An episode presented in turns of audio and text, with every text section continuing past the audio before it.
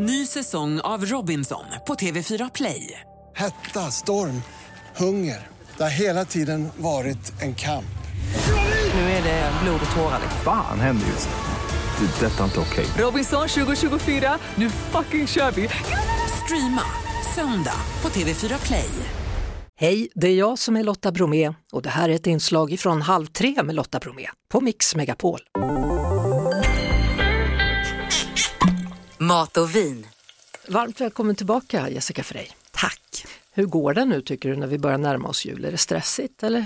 Nej men eh, det är väl lite både och. Det är ju både den bästa tiden på året på många sätt men också en väldigt stressig tid. Men jag försöker vara kvar i lugnet och nu har jag också en liten dotter så att nu är det ju väldigt mysigt att julpynta och göra liksom skapa minnen åt henne.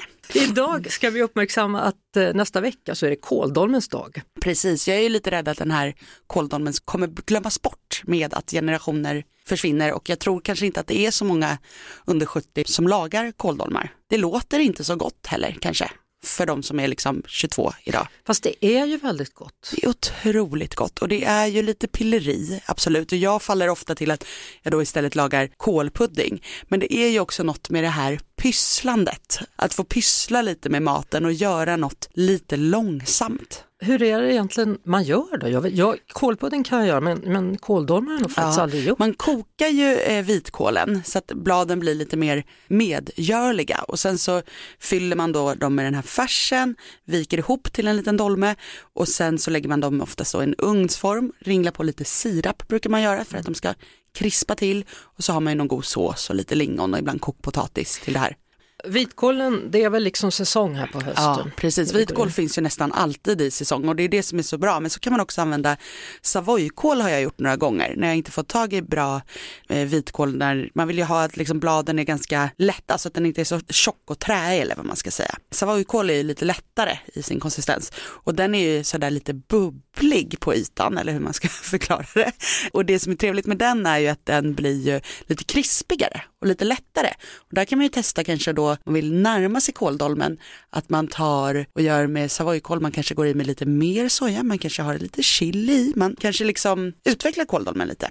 Jag jag måste bara fråga, när man ska ta ut ur ugnen, Mm. ska det vara lite nästan bränt på topparna eller jag inte? tycker det. Ja. Ja, och jag tror att det är också därför faktiskt man började ha på den här sirapen, dels för sötman men att få den här lite karamelliserade ytan. Och det är också det som är att jobba med höga smaker och sådär. Smaker sitter ju ofta i konsistenser och i stekyta, får det här lite brända. Det är väldigt stor smakskillnad om du steker, steker en köttbit och så är det en inte tillräckligt varm panna. Då faller ju hela konceptet. Så att absolut, jag tycker ofta våga lite mer, ge lite mer färg, ha lite varmare i stekpannan, Och ha lingon till kåldolmarna. ha lingon och där säger jag att tyvärr måste man råröra dem själv. Det finns att- så mycket socker i. Ja men det blir inte gott framförallt. Just för att när det är för mycket socker då blir det bara sött. Jag kan nästan ibland bara ha rena lingon också. Ta dem direkt från frysen, bara tina dem lite grann. Orkar man inte stå och röra och vänta på att sockret ska lösa sig finns det en genväg även här. Och det är att man tar vit sirap som är helt genomskinlig och så rör man ut med det för då finns det inga sockerkristaller som behöver lösa sig. Ta lite sånt bara. Smart. Mm. Jessica Frey, tack för denna gång. Recept som vanligt då på respektive Instagram, antingen Jessica Freys Instagram eller så går ni in på Mix Megapols Instagram stories. Eh, nästa vecka, då blir det lite lussebullar va? Ja, det är dags. Vi hörs såklart på Mix Megapol varje eftermiddag vid halv tre. Ett poddtips från Podplay. I fallen jag aldrig glömmer djupdyker Hasse Aro i arbetet bakom några av Sveriges mest uppseendeväckande brottsutredningar.